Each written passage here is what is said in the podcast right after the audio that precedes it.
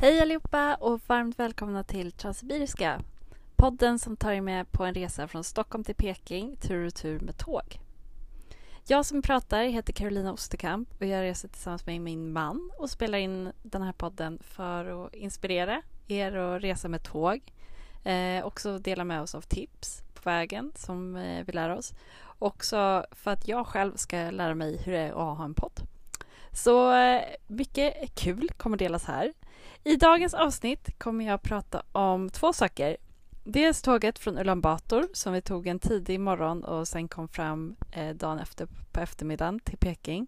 Och dels våra sju dagar i Peking, vårt längsta stopp på resan hittills. Jag kommer att eh, prata om våra tankar om Peking, om maten, om folket eh, och andra insikter vi fick från andra längs med vägen. Och i slutet kommer det även en, eh, skulle jag säga, fantastisk cliffhanger.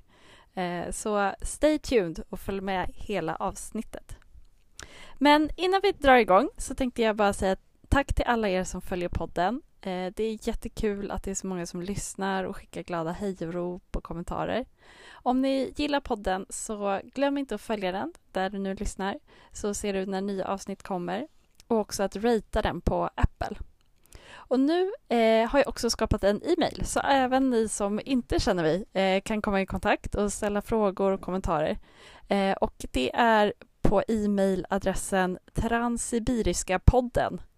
Eh, och i Transsibiriska så är det sammanlagt eh, 3 S och i podden så är det 2 D. Så Transsibiriska podden.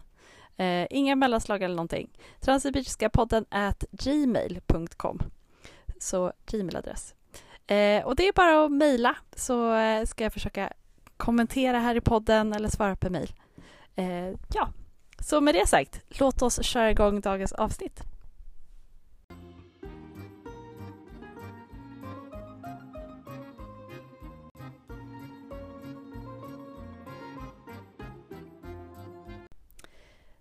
Det första vi eh, kommer att prata om idag är tåget som gick från Ulan Bator till Peking. Eh, och det är lite av ett specialtåg. Vi åkte i alla fall ett tåg som eh, bara går från Ulan Bator till Peking. Så det är mest turister som tar det. För att det är väldigt fint eh, längs med vägen och ja, kanske också ett smidigt sätt att komma in till Peking.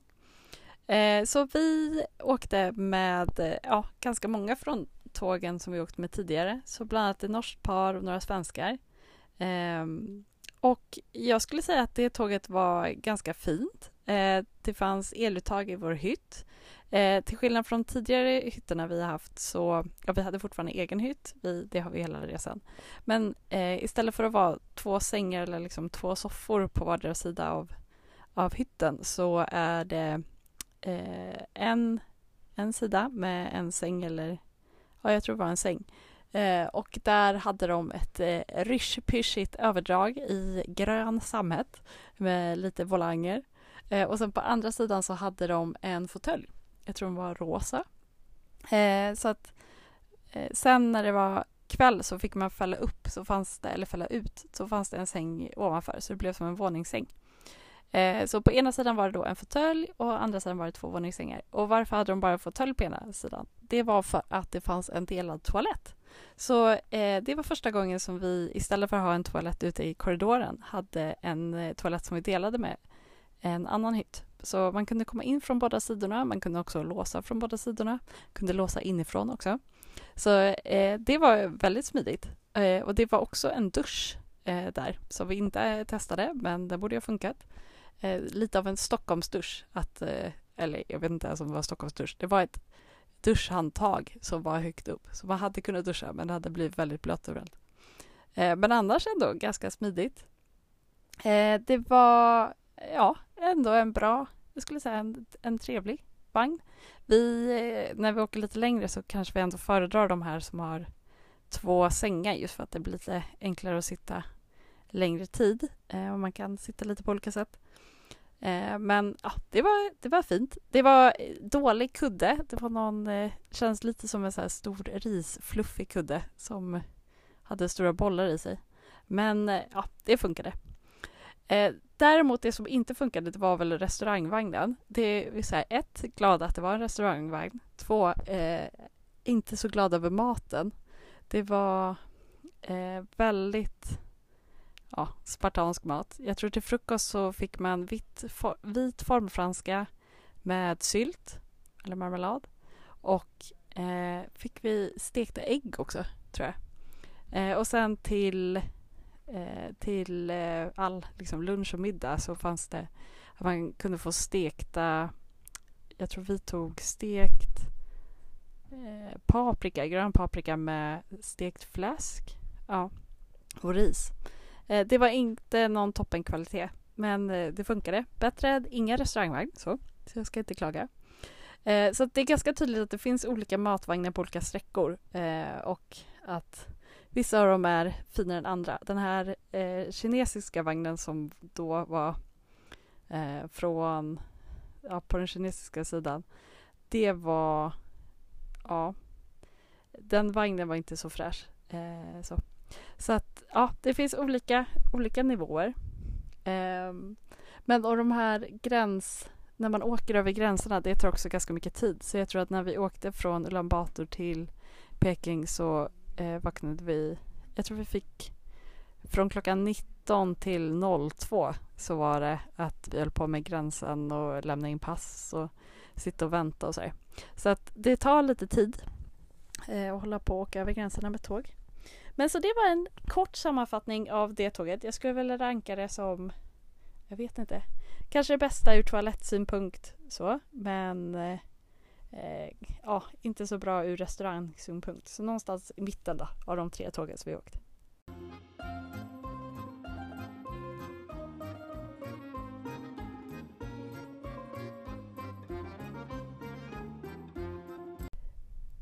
Och hur var vägen då? Eh, naturen på vägen eh, från Ulan Bator till Peking. Först så var det eh, fortfarande den här mongolska steppen, alltså väldigt eh, eh man kan se väldigt långt, det är som ett stort fält och det är runda berg. Sen kom vi in i Gobiöknen och då är det eh, mycket plattare eh, och, men det är aldrig riktigt så här sanddyner som man ser från så klassisk öknen. Jag, vi läste på lite och det är 10% av Gobiöknen som är sådana liksom superökenställen. Utan 90% är det har lite gräs men det ser ut att vara mycket, mycket mindre gräs. Så det är mycket mindre nomader som man ser och det är mycket mindre hästar och så som betar. Um, men sen när man börjar komma in mot Peking så börjar det bli mer och mer kinesiskt. Att det är små byar och de har små innergårdar med så här, tempelbåge. Eh, det blir mer och mer berg eh, som man ser och eh, man ser också mer skulle jag säga solceller och vindkraftverk än vad vi gjorde i Ulan Bator eh, och med omnejd. Så mer, mer eh, höjdskillnader och så vilket var jätte, jättefint när man började komma in till Peking. Eh, så väldigt kul sträcka. Eh, det är ungefär ett dygn men eh, väldigt, väldigt skoj att titta ut.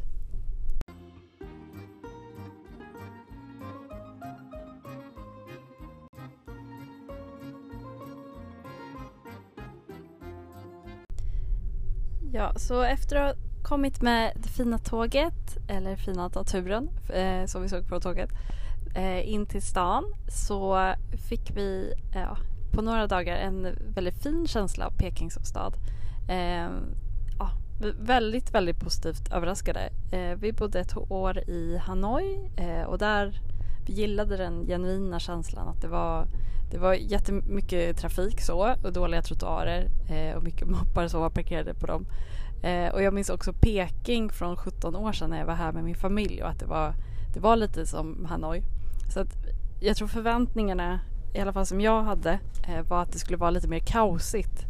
Eh, så. Och det var det absolut inte utan nu kändes det väldigt lugnt fint. Eh, alltså väldigt rent. Eh, det fanns cykelbanor, jättebra cykelbanor, eh, jättebra cykelsystem. Man kunde scanna och så här, låna cyklar. Eh, cykelbanorna delades för moppar men det var väldigt mycket färre moppar. Eh, bara elmoppar så också tyst. Det var väldigt mycket träd och skugga. Eh, det var ändå bra luft eh, får man säga. Det kanske är extra bra nu för att det är höst. Eh, men eh, ja, och de sa också, de som vi pratade med, att det hade varit eh, mycket bättre luft nu senaste året tack vare att de flyttade mycket industrier utanför stan. Eh, och det här med att alla hade elmoppar det var också för att de hade gjort ett aktivt beslut. Så de hade sagt att dels behövde man ingen eh, vet det? Eh, körkortslicens för elmoppe. El, elkörkort? Nej, moppekörkort. Man behövde ingen moppekörkort för elmoppar eh, och sen fick man inte heller köra eh, vanliga moppar eh, innanför en viss ja, i centrum centrum. Så det gjorde att alla gick över till elmoppar och det var väldigt, det blev väldigt tyst och fridfullt tack vare det. Vi bodde på ett jättefint hotell som hette Park Plaza eh, som var i centrum. Eh, och det var eh, ja, superbra för oss. Eh, en sak som vi blev lite positivt överraskade av var att de till och med hade tvättrum eh, med maskiner och med tvättmedel. Så vi kunde tvätta alla våra kläder efter tre veckor. Vi har tvättat några gånger innan också. Men eh, så det var perfekt. De hade jättegod frukost, eh, vi hade jättefint rum, det fanns gym och sådär. Så det var väldigt, väldigt bra. Vi hade också fått några tips på restaurangen från en vän. Eh, så att eh, det kommer lite senare i avsnittet. Men eh, det känns som att vi bodde bra, att vi kunde till och med gå till några av dem i stan. Eh, och det som också var fint med Peking som stad var att de hade sparat ändå ganska många av de här gamla kvarteren som de kallar hutonger. Och där är det mycket lägre hus, alltså en, en, en eller tvåvåningshus. Eh, och det ska vara lite kallare och så och ganska lyxigt att bo där nu. Så att antingen så har man eh, kvar en hutong inom släkten och jag tror att om man äger den så äger man den på 70-årsbasis. Sen behöver man lämna tillbaka den. Så att äga och äga eh, som det fungerar i Kina. Men och annars så kan man köpa eh, ja, en, det blir som en lägenhet i en tång då, eller ett litet hus. Men, eh, och det ska vara väldigt, väldigt dyrt. Men väldigt, väldigt fint Eh, i alla fall att de hade kvar det. Och det gör också att det känns mycket mer genuint som stad. Det fanns också gamla tempel eh, som vi kunde se eh, och runt den förbjudna staden så är det vatten. Eh, så det gör också att det känns lite mer rymligt. Eh, det var toaletter överallt. Jag skulle säga att de var halvfräscha men det vägs ju upp av att det fanns liksom på varje kvarter kanske två offentliga toaletter. Eh, och, alltså med två så menar jag två ställen och varje kanske har två, tre toaletter för tjejer och två, tre toaletter för killar. Eh, men jag skulle säga det stora minuset då eh, med Peking som stad det är väl att det var extremt mycket poliser eh, och mycket övervakning överallt. Så att eh, det gör att det känns, ja, man känner av liksom det politiska läget på ett helt annat sätt. Eh, så det är väl det första minuset. Och det andra minuset är att tunnelbanan stänger jättetidigt. Eh, oavsett dag eh, på veckan, alltså även om det är helg, så gick sista eh, 22.45 eh, så att vi behövde gå från någon bar klockan 22 för att hinna hem med tunnelbanan.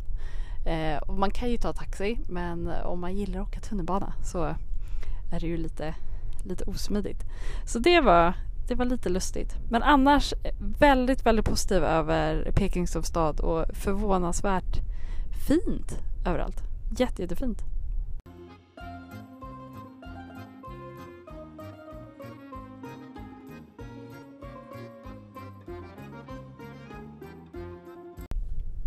Så vad gjorde vi i Peking? Eh, vi gjorde massa olika grejer. Det första eh, vi gjorde var bland annat en eh, food tour och vi åkte ut till muren och vi promenerade runt massa. Så ja, här kommer några olika saker som var favoriter. Eh, den första favoriten var väl muren. Eh, och det var en hike som vi gjorde. Vi ville eh, gå på en fin del av muren som eh, var ja, lite mindre folk och att gå lite längre. I och med att vi har suttit så mycket på tåg så känns det som att det är kul att eh, gå när man kan gå. Eh, så att man kan säga att hajken var uppdelad eh, på tre olika delar, 14 kilometer som sagt. Den första delen var på muren och där muren var väldigt väl efterhållen. Eh, sen den andra delen var utanför muren eller bredvid muren. Så att vi gick ner en liten dal och vi gick bredvid muren. Och den tredje var på muren igen men där den inte var lika bra, eh, lika bra skick. Så att det var snarare att man gick på en stig mitt på muren.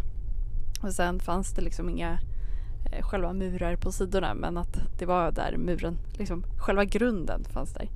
Eh, det var jätte, jättefint. Jag skulle säga den sista med naturstigen var ändå min favorit för då känns det verkligen som man både är ute i naturen men man går ju längs en bergskam för att muren är byggd på en bergskam. Så det var väldigt fin utsikt eh, och, och känsla. Och vi gick med en guide från Peking. Så eh, vi åkte i bil till den här delen av muren, så två timmar dit. Sen gick vi sex och en halv timme med pauser eh, med lunch och sådär. Och sen eh, åkte vi hem och det kanske tog ja, två timmar eller två och en halv med bilen igen. Och det var jättekul att se muren och få höra om historien om muren eh, från den här guiden. Jag var där för några år sedan, eh, för 18 år sedan tror jag ungefär. Eh, och då, jag tror vi var på ett, eh, vad ska man säga, mer vanligt ställe så att det kändes mer som att det var mycket folk och att vi inte kunde gå lika långt eh, på muren. Så den här eh, var ju lite mer av en lyxig version. Att vi eh, kunde åka lite längre bort, komma till ett ställe som inte var lika eh, mycket turister på. Ehm, och också få höra mer av historien. Så att den här delen som jag verkligen kan rekommendera den hette Yin Shan Ling till Thai West. Eh, min kinesiska är ju inte superbra. Men eh, ja, det var, jag kan i alla fall varmt rekommendera den delen. Och tack vare den här guiden så fick vi eh, lära oss massa om, om bland annat hur de hade tänkt kring eh, sin, eh, ska man säga, strids, eh, stridsstrategi. Att eh, de hade byggt en extra mur framför den riktiga muren för att hindra hästarna att komma så nära. De hade extra torn för att kunna eh, varna varandra så de satt med, jag vet inte, 300 kilometers avstånd. Kan det vara det? 30 kilometers avstånd kanske? Ja, vi säger 30. Och så tände de stora eldar så att de snabbt kunde kommunicera bredvid dem, eller mellan dem. Eh, och de här öppningarna från murarna hade de gjort så att det var lättare att skjuta med pilbågar. Så att det, sådana saker kändes väldigt kul att få höra från en guide. Eh, så att jag, jag tycker den delen var väldigt bra. Det som var tråkigare med att åka med en guide i Kina är att det känns som att de inte vågar vara lika öppna kring eh, vad de tycker om samhället och så. Eh, tror på sin höjd så sa han att det var bättre att ta ett jobb i staten för att då kunde man tjäna väldigt mycket pengar under bordet. Eh, så att om man kunde välja så valde man det. Men det var ungefär så mycket som han, jag gissar, vågade eh, kritisera. Och vi promenerade också på stan eh, och till olika kaféer, restauranger. Eh, och jag har skrivit några eh, favoriter i beskrivningen eh, här nedan och kommer prata massa om mat. Men eh, eh, jag kan också ta några ja, några av dem, eh, jag tar dem sen. Men det jag ville säga här var väl att Eh, även om vi gick till och gick runt till dem så eh, var det, man får känslan av att stan ändras ganska snabbt. Att eh, två av ställena som vi hade hittat i vår guidebok Lonely Planet, de fanns inte längre för att de höll på att renovera eller att de höll på och eh, jag vet inte, Eh, de kanske bara hade stängts eller köpt upp av någon annan. Så att det känns som att det är en levande stad och att man behöver nog ha tips Eh, på de här restaurangerna som är ganska uppdaterade. Så därför tänkte jag skriva ut dem om det är någon som åker snart. Eh, ett annat ställe vi gick till det var Art District. Eh, jag tror det hette Art District 798. Och eh, där finns det dels gallerier med specialutställningar eh, lite mer artsy affärer och svindyra kaféer. Eh, men det är ändå kul att ha sett eh, och kul att se bland annat den utställningen som vi såg som var, handlade om hur kinesiska konstnärer hade gjort olika projekt på 90-talet och som de sedan hade följt upp. Så att ja, det var, eh, om man har tid så är det en kul grej att åka dit. Även fast det låg lite utanför stan. Och en annan grej utanför stan var också Temple of Heaven, så ett jättefint tempelområde i södra delen. Och eh, ja, det är som en stor park så tröttnar man och tycker att det ändå är mycket folk, vilket vi inte tyckte, så kan man åka dit. Sen en klassisk grej som många gör är ju att titta på eh, Tiamman eh, torget och eh, förbjudna staden. Och vi hann se eh, torget men inte staden för att det blev för sent den dagen. Så eh, ja, det är fortfarande att de har en jättestor bild på Mao högst uppe på torget. Eh, så det känns lite speciellt och alla står där framför och tar foton och vinkar med små flaggor. Så ja, det är väldigt mycket av en upplevelse att bara se att eh, det är fortfarande en, en plats de är väldigt stolta över, många av dem. Kändes det som. Sen gjorde vi eh, två saker som jag skulle säga var lite specialare. Eh, och det var eh, att vi en dag tog snabbtåg till Shanghai och det andra var att vi eh, åkte och spelade beach volleyboll. Så det här med Shanghai, det var min man som eh, hade varit i Shanghai förut och som gärna ville åka snabbtåg. Och vi är ju på lite av en tågreserutt. Så att eh, vi åkte till Shanghai, eh, dels för att testa tågen och dels för att se stan. Eh, så vi åkte dit jättetidigt på morgonen med ett tåg som gick i 350 km i timmen. Eh, det var superbra. Alltså de lyckas ju bygga jättebra tåglinjer för att de sätter upp sådana här pelare överallt. Gissar att de inte har så mycket de kanske inte har så mycket problem med var de ska sätta pelarna om det är ett hus i vägen för att de kan betala för att få folk att flytta eller bara få dem att flytta. Så att det är jätte, jättebra eh, liksom, tågförbindelser överallt. Jättefint tåg. Vi åkte andra klass dit och första klass hem. Eh, superfräscht. Det fanns ett litet, litet café på eh, så man kunde köpa lite små frukter och sådär. Men det var också väldigt mycket utbildning på tåget om att så här, man får inte äta mat som luktar, man får inte röka, måste hålla efter sina barn, sådana saker. Så det, det är intressant. Eh, och Shanghai som stad, ja det var kul att se. Vi gick runt där i några timmar innan vi åkte hem igen. Och eh, ja, det känns som en, det känns som skillnaden mellan eh, Hanoi och Ho Chi Minh i Vietnam är ungefär samma som mellan eh, Peking och Shanghai.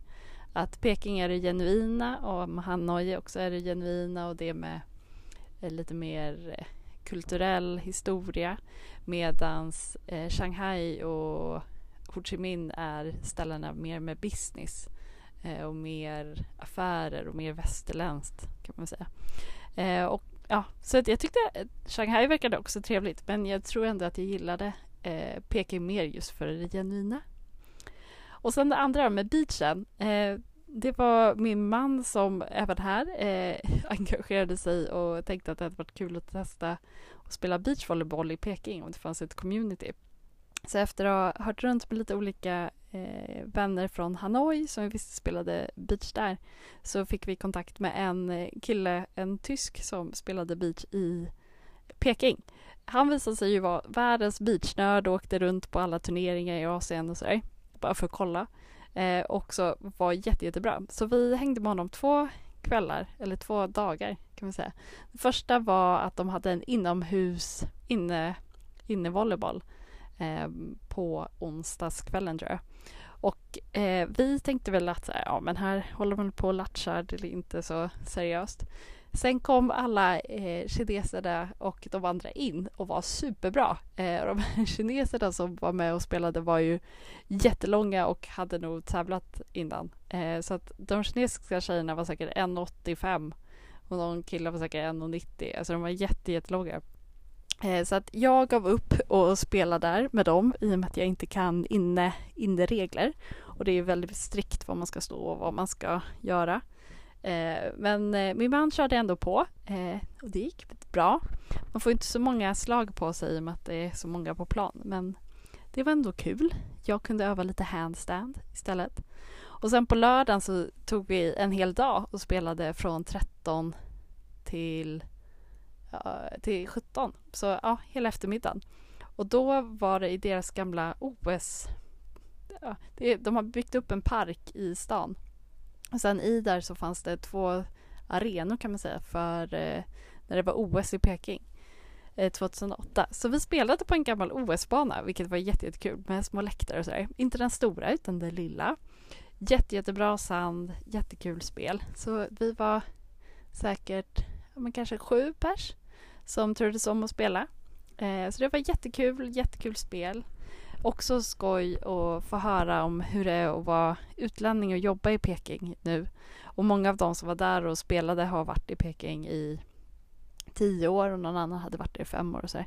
Så att ni ska få lite findings sen av dem. Och det sista som jag vill tipsa om och som vi gjorde, det var en food tour och den gjorde vi i början. Men jag måste säga att det var nog en av de bästa grejerna också som vi gjorde för att eh, man hittar ju inte alla de här små lokala ställena som är fantastiska. Och vi fick också från dem mer tips på restauranger som vi sen gick till. Så det var också en grej. Så här, vad man än gör i, när man åker till en eh, stad, man borde alltid gå på en food tour. Så det var lite kort om eh, vad vi gjorde. Så jag tänkte att vi sen fortsätter med insikter då, från de här personerna om hur, eh, hur eh, staden har ändrats eller invånarna har ändrats de senaste åren.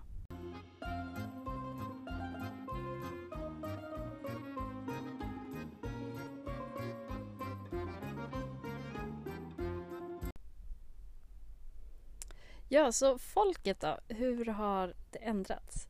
Eh, det generella var väl att eh, de som hade bott länge i Peking tyckte att det var ett hårdare klimat nu. Ehm, och ja, vi upplevde väl som ganska hårt klimat men utifrån liksom poliser och militär. Men det var för att det var eh, det är snart ett 70-årsjubileumsfirande av kommunismen. Så att nu var det extra hårt eh, med alla checkar. Eh, det var säkerhetskontroller på tågen, på tunnelbanan. Man stängde vägar och sådär. Men det hårdare klimatet som de som hade bott länge i Peking pratade om, det var snarare i beteendet hos, hos eh, kineserna de senaste, och framförallt de senaste fem åren. Att nu när eh, den kinesiska ekonomin har gått så bra eh, och att de har blivit den andra största ekonomin så eh, ser folk inte längre upp till utlänningar på samma sätt. Alltså det kan ju vara ganska eh, premierat Eh, att man känner sig vara premierad som utlänning om alla ser upp till en. Eh, och så var det för kanske tio år sedan. Men att nu eh, ser folk det som att så här, ja, nu, du kommer hit till oss för att kunna tjäna pengar för att vi har det så bra här. Eh, och det eh, blir, ja, det gör ju att folk känner en helt annan, eh, ja, de blir mer osäkra gissar jag, som utlänningar. Eh, det är också dyrt att ha barn i Kina, eh, så att det här med enbarnspolitiken, eh, det hade i alla fall jag missat att eh, en av anledningarna att de kunde ta bort den och säga att så här, nu är det okej okay, jag har fler barn det är för att det var så få som eh, ens funderade på att skaffa ett barn. Eh, så att eh, om man har flera då behöver man ännu mer tänka på eh, vi kanske bara har råd med utbildning för en av dem och om man bara har råd med utbildning för en av dem då är det troligtvis killen. Så att det, det gör i sin tur att eh, det är väldigt många av de här killarna som är eh, väldigt säga, mammiga för att de är uppväxta som enda barnet eller i alla fall det mer bortskämda barnet. Eh, så att eh, det känns fortfarande som att det är killarna som har övertaget på, eh, på dejtingmarknaden. Att de har fortfarande bättre jobben och är de som, de ska väl ta över familjen, så om de äldsta sonen. Men att de också har fått bättre förutsättningar än vad tjejerna har fått. Så att eh, det här fick vi höra från ett annat par från deras guide att eh, hon hade delat att när man dejtar så frågar man några frågor i början. Eh, och det är när man kollar om mannen har lägenhet i Peking. Det här kunde man också kolla i apparna liksom redan innan som en första screening. Eh, man kollar också gärna om han har bra jobb eh, och då vill man gärna att det är på ett utländskt bolag. Eh, man frågar också eh, vad lönen är. Såklart vill man att den ska vara bra. Eh, man kollar också om, eh, om han skulle rädda en själv eller sin mamma om båda höll på att drunkna i en flod. Eh, och det frågar man just för att det är så många av de här männen som är så mammiga. Eh, så, eh, så att man inte får en eh, konstig relation där. Så att om eh, den här mannen då svarar eh, bra då utifrån sin egen tolkning på alla de här frågorna, då kan man börja dejta. Eh, och det här var också någonting som vi hörde av eh, de utlänningarna vi spelade beach med. Så att det känns som att det här är sant. Eh, och det vi också hörde från de vi spelade beach med var att förut så eh, var det fler som var intresserade av att lära sig engelska men att nu när den kinesiska ekonomin eh, går bra så är det fler som tycker att eh, det finns ett mindre behov av att lära sig engelska utan att fler borde istället lära sig kinesiska. Så det är också lite av ett skifte. Ehm, vi fick ett tips inför resan om en jättebra bok eh, som hette Wild Swans som handlar om tre generationers eh, kinesiska kvinnor. Så den sträcker sig från 1900-talet till 1980-talet. Och den tyckte jag gav en väldigt bra bild av hur, eh, hur mycket folk har fått utstå. Eh, men dels svält, eh, den här kulturrevolutionen och ingen som visste egentligen vem som var fiende utan alla, alla kunde eh, utsättas för ja, allting hemskt. Eh, och också hur det var att leva under japanerna och eh, ja, alla de här krigen. Så med det i bakhuvudet så eh, har de haft jättemånga olika ledare. Det har varit väldigt ostrukturerat samhälle och ingen har riktigt vetat vad som har gällt. Att reglerna har varit väldigt fluffiga så att eh, ja, det har varit ett osäkert liv. Eh, och om man tänker på det i bakhuvudet så eh, tycker jag att det mest intressanta vi har hört hittills om hur folk har upplevt den kinesiska kulturen det var från en kille som nu är på vårt tåg som är tillsammans med en kinesisk tjej. Och han hade eh, tagit med henne på bio, eller de hade gått på bio och sett Star Wars, en av de nya Star Wars-filmerna. Och så hade de kommit ut därifrån och så hade hon sagt att så här, jag förstår inte riktigt eh, varför eh, rebellerna fightades mot imperiet. Alltså varför var det så hemskt med Darth Vader? Han verkade ha det jättevälordnat och han verkade också ha modern teknik. Eh, och det känns också väldigt talande att eh, det känns som det kinesiska samhället idag kanske eh, värderar stabilitet över mycket annat. Att de får det bättre och bättre för varje år. Eh, men också nu så känns det som att de vet vad som gäller. Eh, så. Eh, så det ja, känns som vi fick eh, mycket, mycket insikter eh, från andra. Och, men det vi själva upplevde var väl att alla var jättetrevliga, de som vi träffade. Eh, och det var mycket folk som jobbade i service och de var jätteservice-minded. Eh, de som däremot inte var så trevliga är väl alla poliserna som såg ut att vara väldigt grumpy. Eh, så. så att ja, intressant kultur att bara försöka förstå sig lite mer, mer på.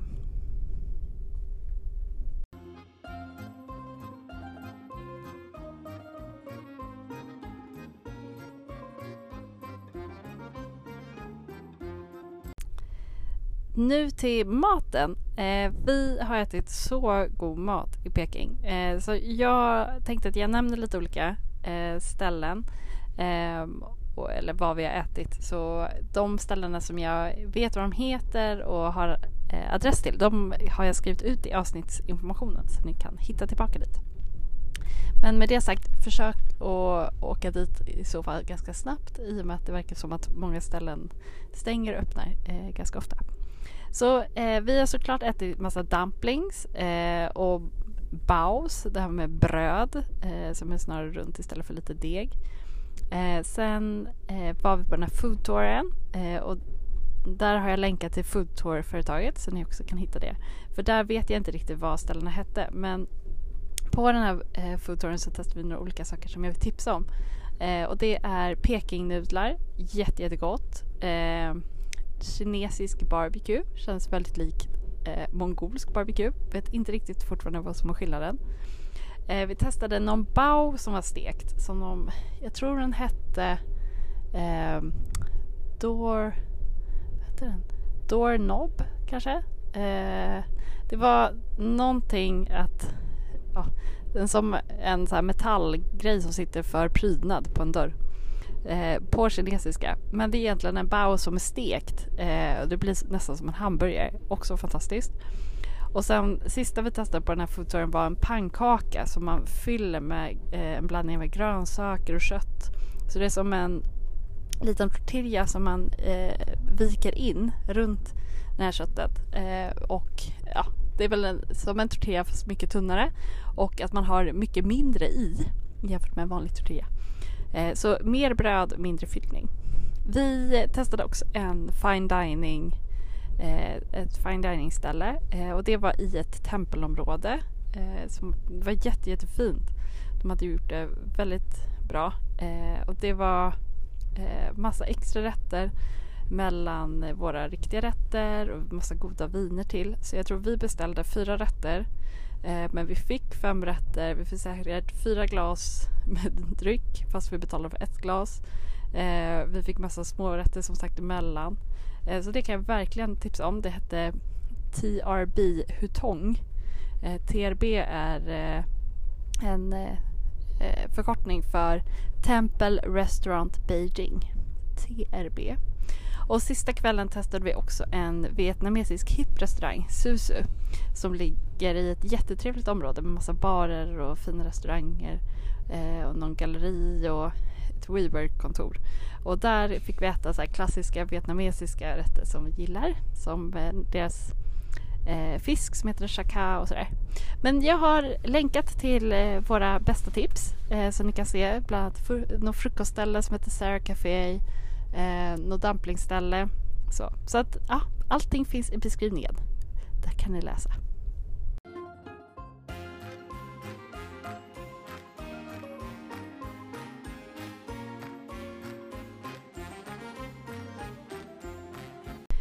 Och sen sist, eh, lite övriga spaningar. Ehm, eh, här har vi någonting som jag inte riktigt fick in i, eh, i de andra avsnittsdelarna. Eh, och men vi kör dem. De blir lite random men det är ändå saker som jag tycker är värda att, att nämna. Det första är väl att eh, det känns fan, ska man säga, skrämmande eh, så med politiska läget men också väldigt imponerande hur mycket man kan få gjort eh, på så kort tid om man är en diktatur. Att, eh, för tio år sedan så tror jag att de hade två tunnelbanelinjer och nu har de 20 överallt. Eh, de har också lyckats göra väldigt mycket för luftkvaliteten och för naturen och för återvinning. Eh, det här med elmopparna, med flytta industrier, med återvinningskärl överallt, med utbildning. Så att eh, det är ju på ett sätt så eh, förstår, förstår man liksom kraften i att ha eh, en, en politik som är lite mer stabil. Att de kan ju verkligen trycka på och sen finns det ju ingen som kan säga emot, vilket är extremt läskigt. Eh, och det är ju, ja, men det är ändå, man blir imponerad av hur stor skillnad eh, det var för, eh, på Peking för 18 år sedan och hur det är nu. Eh, det var också väldigt läskigt med de här poliserna och det verkar också som att de monitorerar allting i WeChat och sådär. Eh, men det verkar ändå som att folk använder det och att de har kommit väldigt långt där. Så till exempel så såg vi att WeChat, det är som ja, Whatsapp. Att eh, det använder de för betalning överallt så att eh, de har QR-koder som de skannar med i butikerna och så betalar de med det eh, liksom smidigt. Så det är väl som vårt Swish. Och det gjorde de i tunnelbanan och överallt. Ja, väldigt, väldigt smidigt. Vi kan säga att vi var ju extremt handikappade utan Google, eh, Google Maps och sådär. Eh, det känns som att jag inte fick ut den här podden och ja, det, det har varit eh, lite av en utmaning att inte kunna använda och kunna googla och att söka på Baidu, vilket är väl deras Google, ger inte alls samma sökresultat som jag hade räknat med att få på Google. Så ja, det är ju lite av en utmaning men jag gissar att man lär sig när man vet hur man ska göra det. Eh, den sista lite random spaningen är ju att eh, det är väldigt mycket fokus på att lära ut vett och etikett eh, och det gör man bland annat på videoskärmarna i tunnelbanan. Och eftersom det är Asien så gillar de också gulliga animerade djur och frukter och grönsaker. Så vi såg jättemånga roliga, eh, bland annat en katt och en hund som lärde sig att inte parkera ovanpå en brunn för regnvatten. Eh, för då eh, blev det stopp där och så blev det översvämning. Eh, och då blev de uppläxade av en flygande delfin. Du, du, du. Eh, de lärde sig också att inte köra igenom en alltför djup pöl, vilket tydligen är bra om man bor uppe i bergen. Eh, men vår favorit var väl ändå en hiphop-banan, hiphop-banana, som var en rebellisk banan som åt massa mat, eh, spelade hög musik, rökte fyra cigg på en gång på tunnelbanan och som läxades upp av en eh, mustaschprydd aubergine som slog till honom på huvudet med sin käpp. Eh, och sen på något sätt så tappade han också alla sina kläder så han blev utskämd.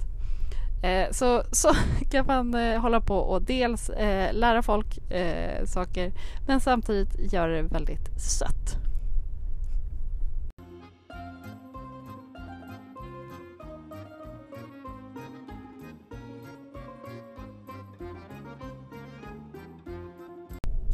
Ja, så det var lite kort om Peking och eh, jag skulle säga att det var vår eh, favoritstad hittills på resan. Eh, ja, jag skulle ge det som turiststad eh, fyra, fyra och en halv av fem. Lite avdrag där för att eh, guiderna känns som att de aldrig kan vara helt öppna eh, i och med att de inte vågar, eh, vilket gör det tråkigare. Och som stad att bo i så skulle jag absolut kunna tänka mig att bo där i något år. Eh, så livskvaliteten, liksom, stad att bo i, eh, fyra av fem. Jobbigt med övervakning och politiken, eh, politiken men annars känns det som en jättekul stad med massa bra, massa bra saker. Eh, däremot tror jag liksom, på längre sikt så kanske inte det blir lika kul att bo där. Men ett litet år, absolut. Så eh, det var dagens avsnitt men jag tänkte bara eh, återkomma till det här med cliffhangern. Eh, och cliffhangern är att eh, vi är på ett tåg just nu på väg till Moskva. Men på grund av eh, den här militären som vi pratade om att är, de hade sitt 70-åriga jubileum av kommunismen nu eh, snart den 1 oktober så stängde de ner jättestora delar av city eh, kvällen när vi skulle åka eh, med tåget. Så vi trodde inte att vi skulle påverkas jättemycket för vi var väldigt nära tågstationen. Men våra grannar här i vagnen blev tipsade av deras guide att verkligen vara på tågstationen tidigt. Eh, så eh, våra grannar här var där sju timmar innan tåget gick. Eh, några andra som jag träffade på tåget var där sex timmar innan tåget gick. Jag och min man lämnade vårt hotell två timmar innan tåget gick.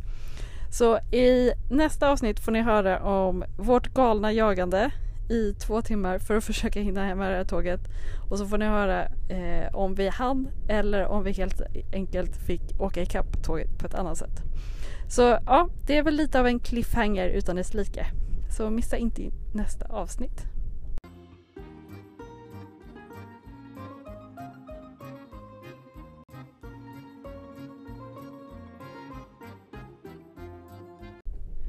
Ja, och det var allt för idag. Eh, jag hade tänkt att avsluta med ett kinesiskt hejdå men jag vågade faktiskt inte dra fram en mikrofon och spela in någonting offentligt. Eh, så ni får hålla till godo med mitt bästa eh, kinesiska uttal här. Eh, Tsai Chen. Hejdå!